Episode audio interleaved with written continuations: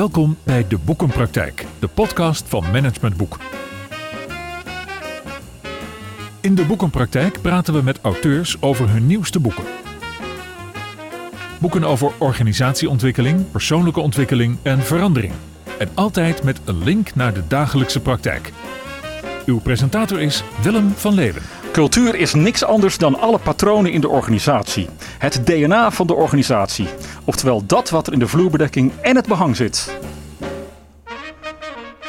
Zo typeert auteur Maaike Tieke een organisatiecultuur in haar recente boek Cultuurdingetje. Hè? Maaike Tieke is psycholoog en natuurlijk helemaal geen onbekende in managementland. Want ze is met Bianca van Leeuwen de uitvinder van wat we wel kunnen zeggen een ongebruikelijke rol op verandering. Namelijk het systemisch transitiemanagement waarvan ze in 2013 de bestseller schreven. Een leuk weetje vind ik dat ze werkt bij boekhandel Kramer en Van Doorn in Zeist. En ze bakt daar diverse taartjes en brownies voor bij een koffie en bij een nieuwe boek. En vandaag is Maaike dus mijn gast in deze aflevering van de Boekenpraktijk. Ik zie geen brownie, geen taartje. Dat uh, is nou weer even jammer. Op, op. Waar, waarom doe je dat trouwens? Is dat gewoon echt voor, voor de leut? Of, uh... Ja, dat is voor de leut. Ja, ja. En, en, verkoop je ook boeken ondertussen daar? Ik heb een tijd boeken verkocht. Nu niet meer. Nu ben ik uh, alleen nog maar in de koffiecorner. En daar bak ja. ik de taarten in de winkel. Ja. En soms thuis. Ja. En, ja.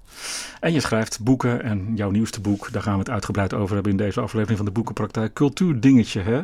Wat heb jij uh, met culturen? Nou, ja, eigenlijk ben ik al, nou, wat zal het zijn, 15 jaar um, in organisaties waar ze te maken hebben met rare verschijnselen, noemen ze dat dan. Uh, uh, hardnekkige patronen waar ze maar niet van afkomen. En um, daar breek ik al 15 jaar, nou eigenlijk 15 jaar geleden, voor het eerst dat ik dacht, wat is dat toch? Hoe kan dat? Hmm. Hoe bestaat het? Ja. Ik wil daar meer over weten. Ja, ja. En als ik het dan lees, hè, want we gaan er uitgebreid op in natuurlijk, dan krijg ik toch een beetje de indruk dat, dat dit wel een boek is waarin we eens een keer echt een andere afslag gaan nemen. Met, met, met veranderen, wendbaar worden, -hmm. verbeteren, ontwikkelen. In plaats van dat we weer allerlei vaardigheidstrainingjes gaan geven. En vooral ja. ons focussen op leiderschap. Ja, is dat klopt. Goed? Ja, ja okay. dat klopt. Ja. Die organisatiecultuur die zit in de vloerbedekking. Althans, jouw uh, subtitel van het boek is hoe je de oude organisatiecultuur uit de vloerbedekking krijgt en de nieuwe erin. Mm -hmm. Is het een kwestie van een nieuw vloerbedekkingje neerleggen? Uh, ja en nee. Mm -hmm. uh, het, het, heel veel organisaties kennen dat ze al vijf keer een nieuw vloerbedekkingje erin hebben gelegd. En dat dan nog steeds via de achterdeur dan de oude cultuur weer binnen no time aanwezig is. Ja. En ook dat een heel, nou ja, nieuwe vloerbedekking is soms een heel kudde nieuwe mensen. Ja. En die zijn dan binnen zes weken weer volledig besmet door de oude vloerbedekking. Hm. Dus dan is het antwoord nee, een nieuw vloerbedekkingje helpt niet. Nee. Het is ook uh, hardnekkig, hè, zo'n cultuur ook, toch? En, nieuwe ja. mensen, mijn indruk is altijd, die gaan zich gewoon aanpassen aan toch een beetje aan de common sense in een organisatie. Dus ja. Ja, nou, ik, het grappige is dat je, zoals je dat nu zegt, klinkt het alsof mensen besluiten, ik voeg mij wel. Mm -hmm. Maar dat is niet zo. En het is juist zo dat in organisaties mensen zich het hoofd breken over niemand wil het. Iedereen heeft er last van. We willen er allemaal vanaf. En het lukt niet. Dus het is juist de frustratie van organisaties, een verbijstering en een moedeloosheid over. Uh, het ontbreekt ons niet aan competenties, het ontbreekt ons niet aan inzet, het ontbreekt ons niet aan goede, ervaren mensen. Nee. En toch blijft die vervelende pokkencultuur blijft hetzelfde. En hoe komt dat dan? Want dan gaan we toch misschien even naar waarom je ook vloerbedekking als metafoor neemt. Ja, we ontkomen er denk ik toch niet aan uh, om, om het over systemische patronen te ja. hebben. Uh, alhoewel dat misschien wat lastiger is om dat helemaal kort uit te leggen. Maar toch, daar zit het hem dan dus in, hè? Ja. Lees ik. Ja. Ja. Ja. Ja. het is zo hardnekkig, onze patronen, dat we misschien wel onbewust daaraan bijdragen en meewerken. Ja, nou niet eens misschien. Dat Oh. is, uh, Ja. als je er systemisch naar kijkt, is dat zo logisch als wat. Ja. Dat, dat, dat er wat er in de vloer. En in de vloerbedekking, dat is een term die organisaties veel uh, gebruiken. Het zit er in de muren, het zit in de wifi. Ja. Dus daarom heb ik die uh, naam ook gekozen uh, Ja. voor het boek. Ja. Maar het is eigenlijk de. Het, het uitgangspunt is eigenlijk dat cultuur is niks anders dan het DNA van de organisatie. Mhm. Dat wat ons vormt, dat, dat wat wij gewend zijn uh, om te doen, Ja. uh, dat wat we herhalen, uh, nou, wat zich of je dat nou wil of niet, Mhm. eh, blijft. Ja, De- Het hart van de organisatie, eh, hoe wij gebakken zijn. ja, En dat is niet, zoals heel vaak gedacht wordt, een optelsom van individuen. Dus als je nou maar genoeg leuke, frisse, fruitige individuen hebt, komt vanzelf goed. Ja. Maar het is, het is wel leuk. Ik, ik weet niet of dat deze week was. Dat Jitke Kramer iets postte over alle organisaties en eigenlijk elke maatschappij heeft universele vraagstukken. Mhm. En cultuur is niks anders dan het unieke antwoord van een organisatie op die universele ja, eh, problemen. En dat is wat cultuur is. ja, ja, En cultuur is eigenlijk gewoon, als je er systemisch naar kijkt, eh, cultuur is altijd een, een oplossing voor iets geweest. Het, is, het brengt orde in de chaos. ja. En zonder cultuur zouden we nergens zijn. Ja, maar kan, maar kan ik het dan ja, beetpakken? Is het dan, gaat het dan over wat er zich tussen ons afspeelt of zo? Moet ik daar dan naar kijken? Of stel ik het toch wil veranderen? Wat, wat, wat, wat- wat moet ik dan doen? Nou, eh, als je cultuur wil veranderen, dan heeft het zin om te kijken naar hoe je als, ja, als collectief functioneert. Ja, Hoe je als geheel functioneert. ja, En ik noem altijd, eh, eh, of niet altijd, maar dat is een van de metaforen die ik wel eens gebruik. Wij worden allemaal heel warm van een zwerm vogels. Ja. Dat vindt iedereen fantastisch. Ziet er fantastisch uit. Eh, geweldige bewegingen. zeer geordend. Heel, het ziet er echt heel mooi en heel geordend uit. Ja. Maar je moet dus voor een aardigheidje je best doen om als je zo'n filmpje ziet op YouTube. Er zijn filmpjes waarin je, als je goed kijkt, kun je de individuele vogels zien. Hm. En die individuele vogels, als je daar goed naar kijkt, die gaan kriskras door elkaar. Die Ja. gaan niet allemaal dezelfde kant op. En dat is precies het verschil tussen de bewegingen van de individuele leden van het systeem Ja, en de zwerm. En de zwerm beweegt zich anders dan de losse delen. ja. En voor cultuurverandering heb je ontzettend veel profijt bij zo'n zwermperspectief. En Ja. weten hoe zo'n zwerm, hoe die functioneert. Want? Nou ja, als je dat weet, Ja, dan weet je wat, eh, wat eh, eh, de, de, de drie soorten patronen, de drie onderleggers zijn van elke vloerbedekking. ja. Zullen we even naar die onderleggers gaan? Ja, ja, Ordening, binding en uitwisseling. ja, Eh, ik vind ze ook heel treffend geformuleerd. Dus het zijn ook termen die ik heel makkelijk onthoud. Ja. Dat vind ik sowieso wel echt een compliment in en van je boek. Dat het zo ontzettend... Ja, ik noemde het net even in het voorgesprek plat, maar dat bedoel ik echt absoluut positief. Gewoon Ja. zo concreet beschreven allemaal is. Ja. Dat heb ik wel eens anders eh, eh, meegemaakt met boeken over systemen en culturen. Ja. Maar, maar wil je er toch iets over vertellen? Wat zijn die drie patronen? zeker. E- Even eh, in het kader van wat is van mij en wat is niet van mij. Mhm. Die termen ordening, binding en uitwisseling, dat zijn de gebruikelijke systemische termen voor de drie systemische principes of de drie systemische uitgangspunten waarop elk collectief het goed doet. Dat is een heel eh, vaag, maar die drie termen heb ik niet zelf bedacht. nee. ah, Dus dat is. eh, Nou, eh, credits waar de credits thuis ja, precies, Ja, ja. precies, precies. Nou, de inhoud. Ja, nou ja, in feite komt het erop neer dat elk collectief, wat het, het, het systemische uitgangspunt is, is dat elk collectief het goed doet als die drie punten, Ja, als die op orde zijn. Ja. Dan doet een collectief het goed, dan floreert het collectief. En als je dan kijkt naar die drie systemische principes, ordening gaat eigenlijk over, ja, ik zou het willen noemen verkeer regelen. Mhm. Wie heeft er wanneer voorrang? Wat gaat er voor? Eh, wie moet je volgen? Eh, Wat moet je volgen? Nou, dat soort termen. Ik noem dat verkeersregels. ja, ja, leiden, volgen. Ja. Precies, daar Ja. gaat het over. Ja. En omdat nou, en dat is dan ook meteen eh vaagtaal. Mhm. Ehm, maar als ik hem heel, meteen heel Ja, eenvoudig eh, maak. Nederlandse organisaties hebben veel eh, gedoe met ordening. Mhm. En daar zijn er twee varianten van. Het ene, en want eigenlijk doet het organisaties goed, als je dus met de systemische principes daarnaar kijkt, doet elke organisatie, elk team, elke directie, elk collectief doet het goed als die ordening op orde is en gevolgd wordt. Hm. Als dat duidelijk is en als het gevolgd wordt. Ja. Nou, dan heb je meteen een probleem in Nederland. Want wij zijn ongelooflijk goed in, eh, dat bepaal ik zelf wel, Mhm. Ja. Eh, het kader van een leidinggevende is een vriendelijke suggestie die je rustig naast je neer kan leggen. Ja. Ehm, en dat betekent dat ontzettend veel Nederlandse organisaties hebben ordenings, verstoorde ordeningspatronen in hun vloerbedekking, waar er niet echt geleid wordt. Dus niemand heeft voorrang. Maar mag ik er eens, eh, dan toch maar gelijk Zeker. even heen lopen? De politie, Mhm. Ehm, is dat een ordeningsprobleem als ik merk dat er zo moeilijk begrensd wordt in een organisatie of niet? Of daarbuiten? Eh, dat kan een ordeningsprobleem zijn, maar dat kan ook een bindingsprobleem zijn. Ah, De ordening gaat echt over eh, wat gaat ervoor of wie gaat ervoor. mhm, ja. En ehm, eh, dus al een, elke organisatie mhm, waar het onduidelijk is wie er het kader bepaalt voor wie. ja. eh, ofwel dat we daar voorzichtig mee moeten zijn, want ja, laten we vooral horizontaal leiderschap eh, doen of zoiets dergelijks. mhm. Dat is eigenlijk niet de beste omstandigheden voor een, eh, eh, voor een organisatie. Dus al die termen zoals dienend leiderschap, Mhm. inspirerend Mhm. leiderschap. Nou, je hebt heel veel moderne Mhm. termen ook. Dat past wel een beetje in die cultuur van laten we het vooral. Ja.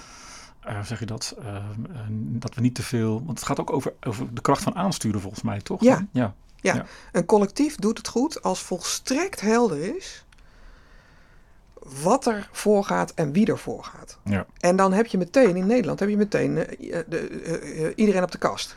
Ja. Want dat is allemaal ouderwets en dat is allemaal eh hiërarchisch en dat is allemaal eh, eh, een baas heeft een hond, maar eh, wij niet. Ja. Ehm, dus en het gaat eigenlijk de hele discussie over eh, moet er iemand de baas zijn of niet? Daar gaat het eigenlijk niet over. Je kunt ook prima in een organisatie hebben. De baas gaat niet voor, maar kwaliteit gaat voor. Of duurzaamheid gaat voor.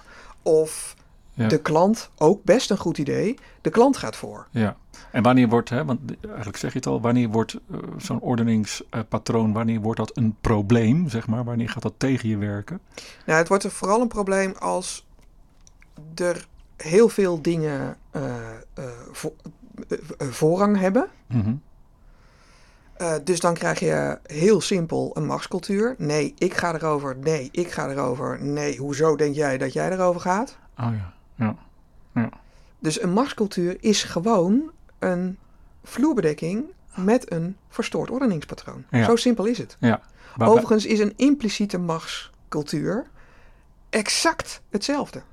En je krijgt een impliciete machtscultuur Mhm.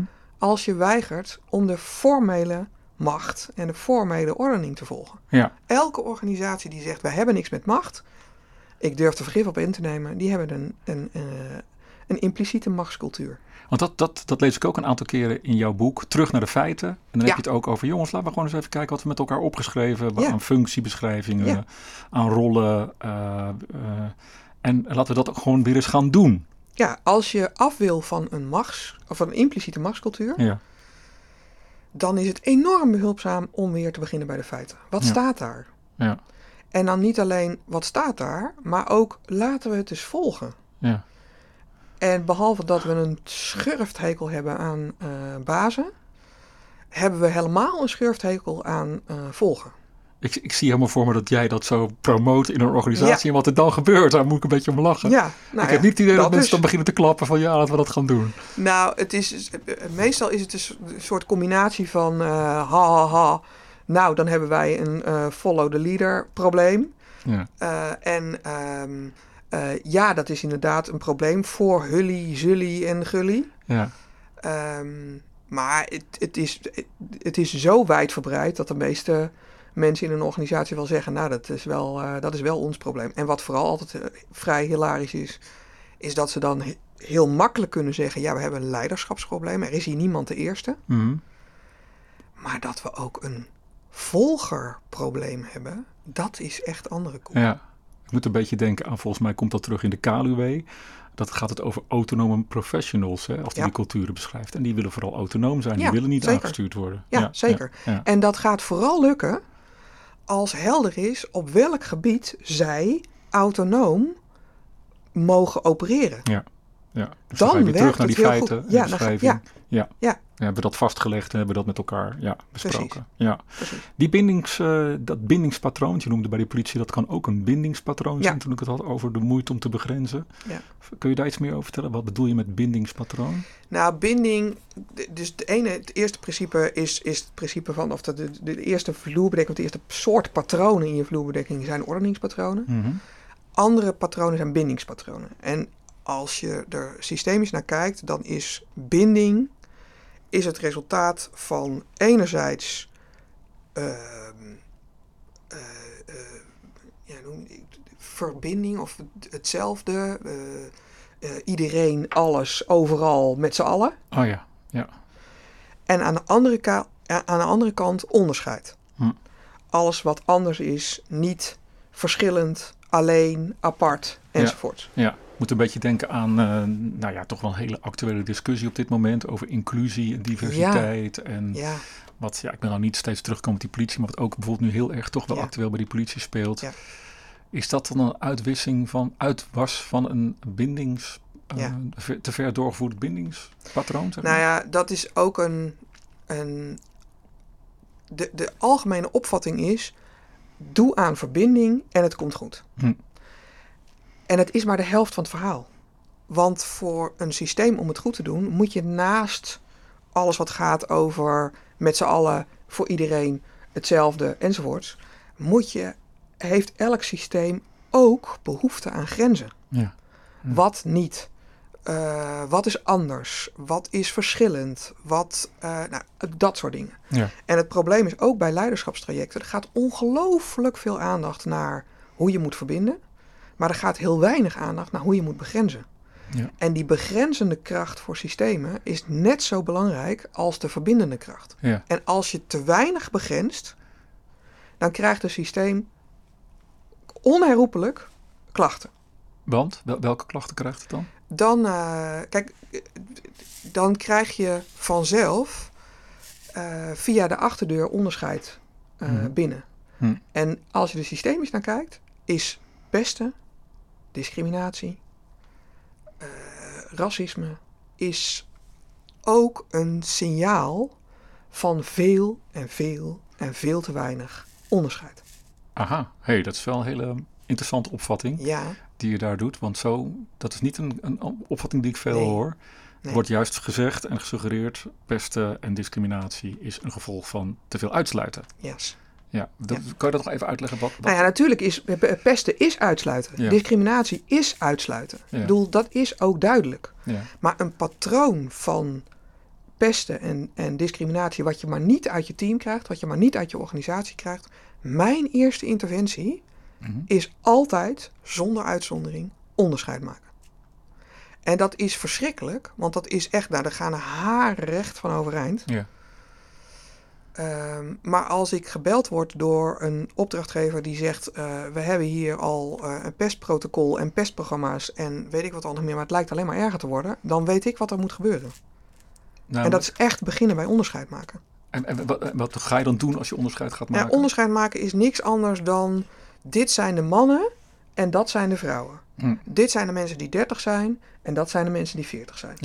Dus we eh, zijn niet dit gelijk zijn- en wel gelijkwaardig. Precies, zo. precies. ja. Dit zijn de mensen die bij het team horen. Dat zijn de mensen die niet bij het team horen. Dit zijn de managers. En dat, daar horen de adviseurs dus niet bij.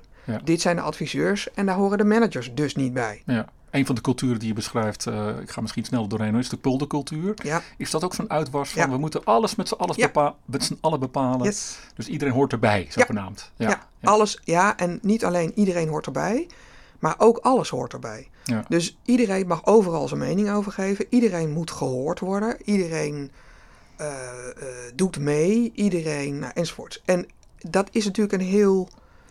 eh, Het gaat er niet om dat, het, dat je voor uitsluiting moet zijn. Mhm. Het gaat erom dat er feiten zijn dat je er soms wel bij hoort en soms niet. En in organisaties is dat. Je hoeft alleen maar te kijken naar wie er in welk team zit. Ja. Daar staat gewoon. Deze mensen horen bij dit team en die dus niet. Ja. Bij deze vergadering hoort dit op de agenda en dat dus niet. Ja. Ja. Dus het gaat. Het, het punt is dat die aller, aller, aller moeilijkste verschillen, de Hm. allerpijnlijkste verschillen, Daar hebben we het met elkaar over. Maar dat je een patroon van pesten en, en kunt voorkomen door gewoon de gewone verschillen, om het daar gewoon met elkaar over te hebben. Dat is een moeilijke discussie vaak al. Ja, en dat is al een heel moeilijke discussie. Want ik kom in veel organisaties waar als ik zeg... oké, dus dit zijn de dertigers, dat zijn de veertigers en dat zijn de vijftigers. Dan ik had vorige week nog dat meteen mensen beginnen te gillen... dat is leeftijdsdiscriminatie. Het staat gewoon in je paspoort. Ja. Ja. Dus het, er is ook een soort verbod op eh, van elkaar verschillen. Ja. Ja. En daar betalen organisaties... en als ik eh, eh, eh, ook nog, nog groter maak... wij met z'n allen... echt een hele grote prijs voor. Ik zit even te denken aan onderweg hier naartoe. Ehm, hoorde ik weer allerlei actuele ehm, eh, berichten over het boerenprotest. Hè? Mhm. Wat nu gaande is. Stikstofprobleem, boerenprotest. Is dat nou een uitwas ook van een ordenings- of een bindingsprobleem? Of moet ik dat dan, ga ik dan veel te kort door de bocht? Oeh, dat is een. ehm, Kijk, als je er met die. Ik weet, even, even los van het feit dat ik dat onderwerp er niet genoeg van af weet. Mhm. Maar als je ernaar kijkt met bindingsogen, dan zie je hier, net als op heel veel andere plekken, hoe ongelooflijk moeilijk het is om te begrenzen. Ja. En het feit dat er hier iedereen snapt dat er daar dingen gebeuren die niet door de beugel kunnen. Dat je sommige dingen niet. Iedereen ziet die filmpjes van, van die mensen waarvan je denkt, "Ah, die zijn niet goed bij hun hoofd. Ja. Maar dat wij met z'n allen ergens een beetje de weg kwijt zijn over eh, wat eigenlijk nog acceptabel is en wat niet. En dan zeg ik niet dat, dat de. Het zijn niet alleen de boeren Mhm. wat als het gaat over grensoverschrijdend gedrag. We hebben, denk ik, een algemeen thema aan onze fiets hangen. Hoe doen wij het eigenlijk met Ja. grenzen? Maar er zitten twee elementen volgens mij in. Toch eh, kijken we er misschien een beetje meer op maatschappelijk niveau naar, het maatschappelijke systeem. Maar er zit volgens mij het, de moeite met begrenzen. Ja. Het optreden gewoon van de politie Ja. bijvoorbeeld even. De, de, de, de hiërarchie noem ik het even. Maar ook wel dat we allemaal denken dat ondanks dat er een wet aangenomen is, dat we toch nog even kunnen zeggen dat we ons daar niet aan hoeven te houden. Ja, maar dat is, dat, in feite is dat eh, precies hetzelfde als dat mensen tegen mij eh, eh, zeggen, of dat de voorzitter van de Raad van Bestuur tegen mij zegt, in dit huis wordt mijn kader opgevat als een vriendelijke suggestie. Hm. Dus ja, in Nederland vatten we een wet op als moet je ruim zien. Is ook maar een wet. Mhm, ja. Wat vind je ervan? Nou, ik hoef daar persoonlijk niks van te vinden. Ik weet alleen dat het een signaal is van een patroon. Kijk, als dat één keer gebeurt, is er niks aan de hand. Maar als je dat patroon overal en nergens ziet, Ja. dan is het ook niet raar dat je in organisaties hetzelfde patroon terugziet. Nee. Ja. En dus ook bij de politie. Dan hebben we nog het derde patroon. Ik ga toch even door. Dat Ja. is het uitwisselingspatroon. Ja. Ik, wil, het- ik merk dat ik het toch even wil behandelen, want ik vind eh, dat we als, als, als, als, als, als, als management in, in organisaties te weinig met dit soort patronen bezig zijn. Dus dan maar even het college van, Ja. van Mike Ja, in deze podcast. Ehm, wat is het uitwisselingspatroon? Nou ja, als je, het- als je het vergelijkt met de andere twee. Ordening gaat over verkeer regelen. Binding gaat over wie is we Ja, en wie niet. Ja. Wat hoort er bij wat. En uitwisseling gaat over hoe stroomt het. Dus wat moet waarheen? Welke informatie moet waarheen? Welke expertise moet waarheen? Waar moet mijn aandacht naartoe? Waar moet mijn tijd naartoe? Dat is de ene kant. Dus dat Ja. is het ge- de geven kant van uitwisseling. En de andere kant is de nemen. Ja, het, is, het blijft een maar bijvoorbeeld werkdruk, is dat zo'n uiting van, kan dat een uiting zijn Ja, van een uitwisselings, zeker. eh, een doorgeslagen uitwisselingspatroon? Ja. Dat mensen te veel aan het geven zijn en te ja, weinig. veel te veel geven. En, ja, en het, er wordt natuurlijk heel veel gesproken over veel te veel geven. Mhm. Maar wat ik in organisaties ook zie, is dat er veel te weinig wordt genomen. Ja, ja. En dan krijg je eh, de kwaal waar ik in veel, die ik in veel organisaties hoor, namelijk eh, teams die zeggen: ja, ik- wij horen nooit wat, ze vertellen ons nooit iets. eh, eh, eh, wij weten nergens van, wij worden helemaal nooit geïnformeerd. Terwijl ze 42 communicatiekanalen hebben. ja. En dan gaat het over tot je nemen van informatie. Ja, maar dat gaat dan toch gewoon over slachtoffergedrag en dus dat je je afhankelijk maakt van een ander. Ja, als je het op het individueel niveau bekijkt, Ja. dan kun je er zo naar kijken. Mhm. En eh, als je er met een systemische bril naar kijkt, dan is ook zo'n patroon waarvan je eigenlijk denkt: Godsamme, zei ik niet. ja. Als er zo'n patroon is en het blijft in stand in de organisatie, het zit in je vloerbedekking, helpt het echt om je af te vragen: waar is dit een oplossing voor? Ja, ja. En dat betekent eigenlijk ook dat een patroon is dan hardnekkig, omdat als mensen dit roepen vanuit een soort slachtofferhouding, dat zo'n manager denkt, oh, dan moet ik nog een keer een mailtje sturen, of nog een keer dat document verspreiden, of nog een... Of wat ik heel mooi voorbeeld vond, 15 minuten van, van de vergadering inlassen om de documenten te lezen. Ja, Ja, ja, ja. Ja. Zullen we even naar de stellingen gaan? Ja. Drie stellingen met het verzoek om eh, alleen even met eens en oneens te antwoorden. Cultuurverandering. Stelling 1. Cultuurverandering wordt steeds meer een begrip voor de bühne voor veel organisaties. En dat betekent dat er daadwerkelijk nauwelijks structureel aan wordt gewerkt op alle niveaus. jemig. Ehm,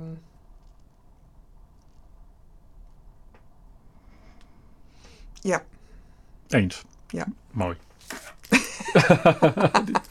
Schrijf er even bij. Stelling 2. Loslaten en stoppen van oude gewoontes is het meest taai en zit cultuurverandering juist in de weg binnen veel organisaties.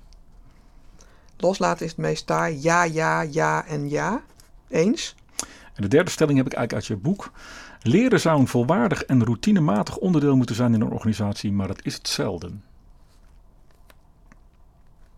Eh, eens. Het is een van de uitingen die de, in je onderzoek is gedaan. Even de eerste stelling. Hè. Cultuurverandering wordt steeds meer een begrip voor de bühne te- binnen veel organisaties. En dat betekent dat er nauwelijks echt structureel aan wordt gewerkt op alle niveaus. Je was even aan het twijfelen.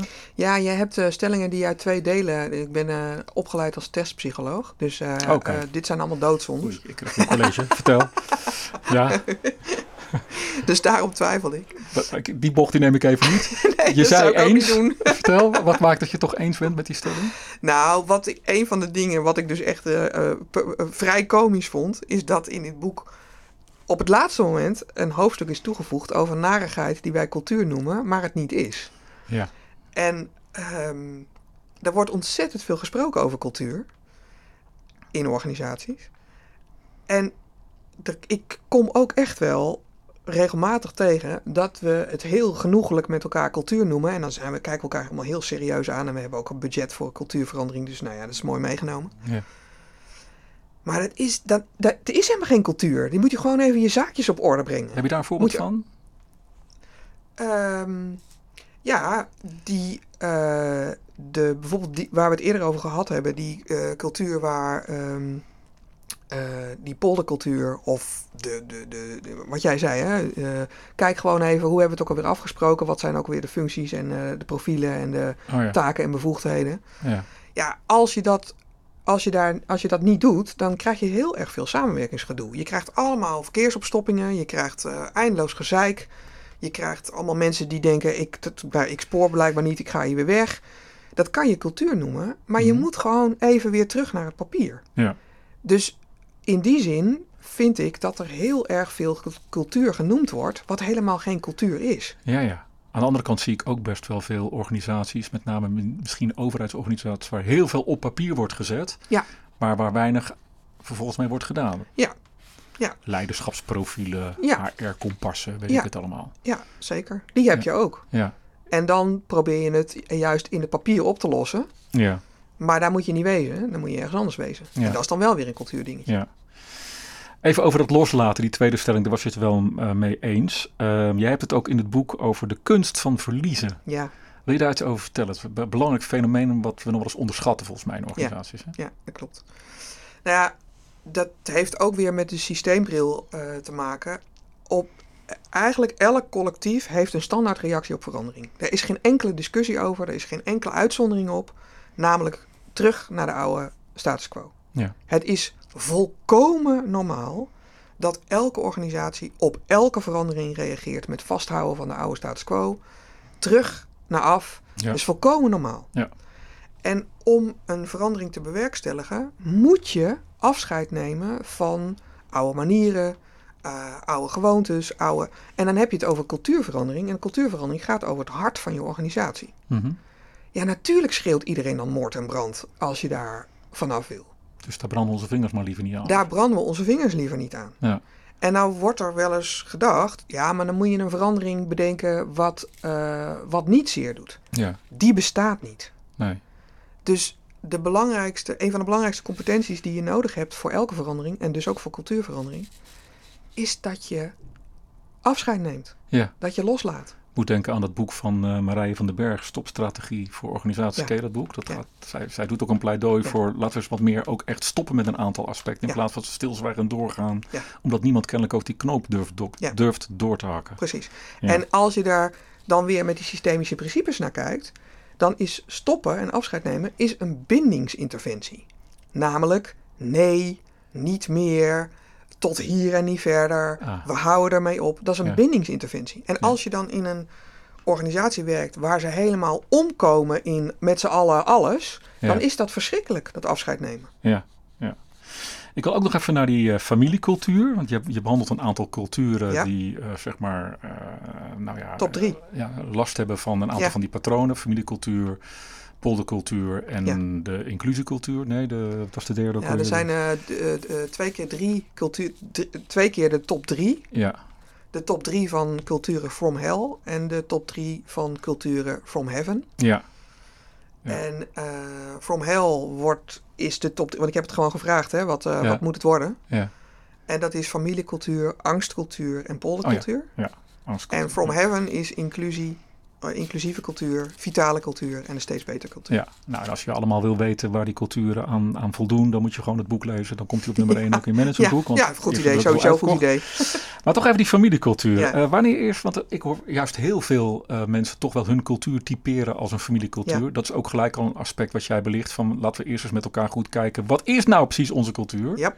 Voordat we de interventies op gaan doen. Maar wat is dan een, wanneer, of nou laat ik het anders vragen, wanneer is zo'n familiecultuur, wordt dat een probleem? Het wordt, was, het wordt pas een probleem als je moet vaststellen dat je organisatie niet kan doen waarvoor die is. Ja. En tot die tijd, ook dat is een pleidooi in het boek, lekker laten gaan. Ja, dat geldt voor al die culturen. Dat geldt voor al die culturen. Je hebt het over opgaven. Kijk eerst eens goed wat voor Kijk, opgaven. ja, en dat is wel. Kijk, cultuurverandering is inderdaad, wat jij ook zei, hip. Mm, ja, En dan loop je het risico dat je cultuurverandering een soort doel op zich wordt. ja, Nou, de beste manier om een cultuurverandering om zeep te helpen is door hem een doel op zich te maken. Mhm. Dus hem Ja. koppelen, zorgen dat hij niet los verkrijgbaar is en hem koppelen aan de opgave van de organisatie is de allereerste hint ja. om cultuurverandering een succes te maken. Ja, toch is het denk ik ook wel eens andersom. Hè? We begonnen dit gesprek met dat we soms te veel aan leiderschap willen werken en aan vaardigheden, Mhm. terwijl we aan cultuur moeten werken. Ja. Het kan ook misschien zo zijn dat we maar aan cultuur gaan werken, zodat we niet aan onszelf hoeven te werken. Zeker. Ja, Zeker. ja. Hoe, hoe herken je nou wanneer iets bijvoorbeeld een leiderschapsprobleem of een cultuurprobleem is? Misschien een moeilijke vraag. Nou, een cultuurprobleem raakt bijna altijd een leiderschapsvraagstuk. Omdat, nou, het, e- het eerste is, eh, je moet afscheid er altijd, bij elke verandering moet je ergens afscheid van nemen. Ja. En de eerste vraag is, wie is in de organisatie bij machten om vuile handen te maken en mensen te gaan bewegen om afscheid te nemen? Hm. Ja. Dus dan kom je in de meeste organisaties, kom je bij, bij de, in de meeste organisaties kom je bij de leiders terecht. Ja, En elke nieuwe cultuur, gewenste cultuur, betekent ook een andere meetlat voor leidinggevenden. Hm, ja. En dat is Dus ook belangrijk, Dat die raakt altijd aan leiderschap. Mooi, ja. Ehm, jij zei in het voorgesprek ook tegen mij van nou, ik, ik richt me in dit boek ook wel een beetje op de adviseur. Dat is wel een belangrijke Ja. doelgroep voor mij, hè? De, de organisatieadviseur. Ja. Ehm, waarbij ik dan, dat vul ik even in, dus check even of ik het goed zeg, waarbij jij volgens mij ook een bril wil, meegaven, wil meegeven aan de adviseur om, om ook eens door die cultuurbril naar organisatie te Ja. kijken en naar interventies in organisaties te kijken. Mhm. Als ik nou als adviseur naar dit gesprek zit te luisteren en ik, en ik wil een soort van takeaway uithalen, waarvan je zegt van begin daar nou eens mee, maak ik het misschien heel plat en concreet. Wa- Wat is dan een, een, een, een eerste stap waarvan je zegt, begin daar eens mee om, om, om een juiste interventie op cultuurniveau te doen? Oh, nou, die, de belangrijkste interventie, of een, wat ze niet leuk gaan vinden, een interventie eh, op cultuurniveau is je realiseren dat jij als adviseur in de meeste organisaties er niet van bent. Van die cultuurverandering. Ja. En het enige wat je kunt doen, is degene die er wel van zijn, adviseren over wat zij kunnen doen. Ja. Maar heel veel adviseurs komen met de beste intenties op de plek van de managers terecht. Ja. En ook al weten ze er alles van, en ook al hebben ze gelijk, en ook al worden ze daar van harte toe uitgenodigd, in de meeste organisaties waar het feitelijk zo is dat de managers degene zijn die moeten sturen op het gedrag van de medewerkers, kun je daar beter meteen mee ophouden. Oké.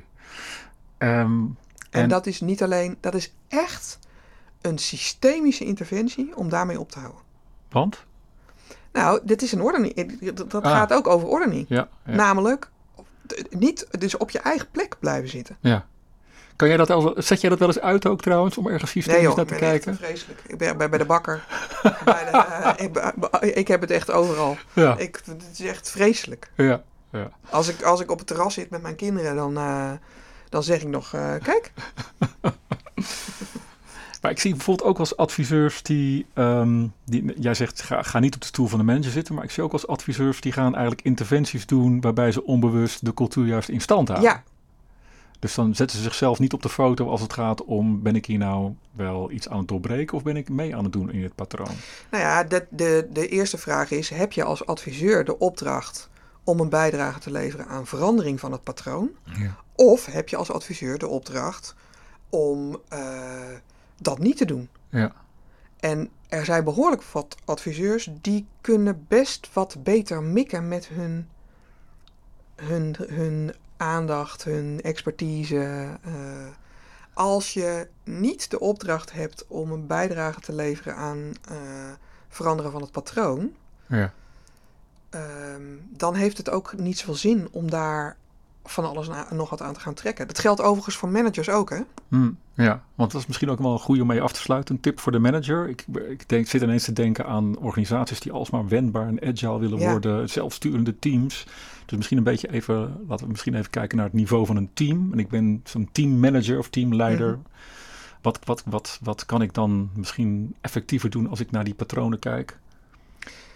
Ehm, nou, het eerste eh, zou ik zeggen, hoe zit het eigenlijk met de resultaten die er gehaald worden? Doe je wat je moet, eh, bereik je wat je wil bereiken? Eh, eh, is je klant eh, tevreden? Eh, haal je je opgave? Ja, Eh, en daar te beginnen. Ja.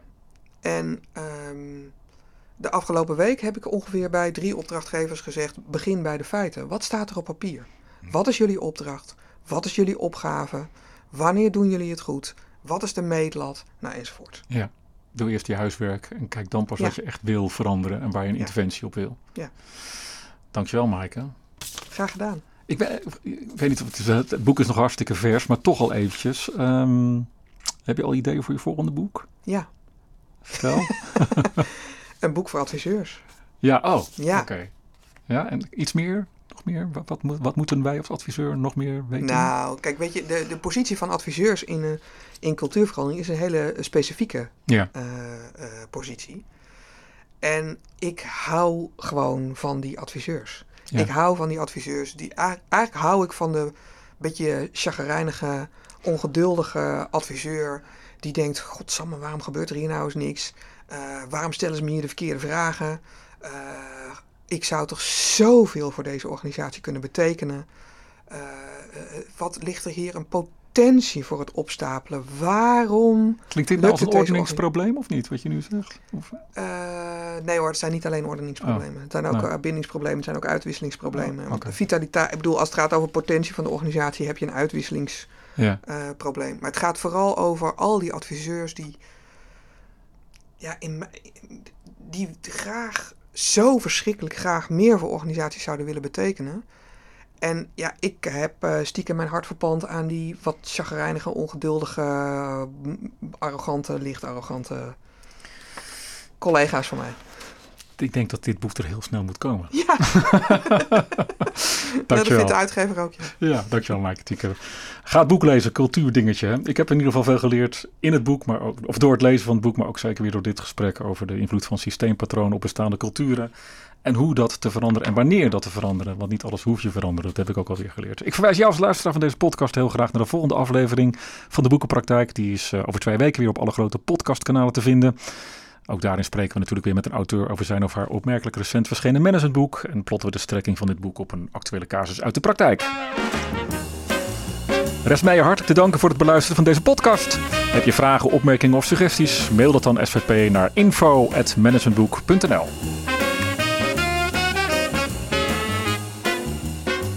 Tot zover de praktijk van boeken. Kijk voor meer afleveringen of een abonnement op de boekenpraktijk op managementboek.nl/slash podcast. Je vindt ons ook op Spotify, Apple Podcast, Google Podcast en Soundcloud. Hartelijk dank voor het luisteren en graag tot de volgende podcast.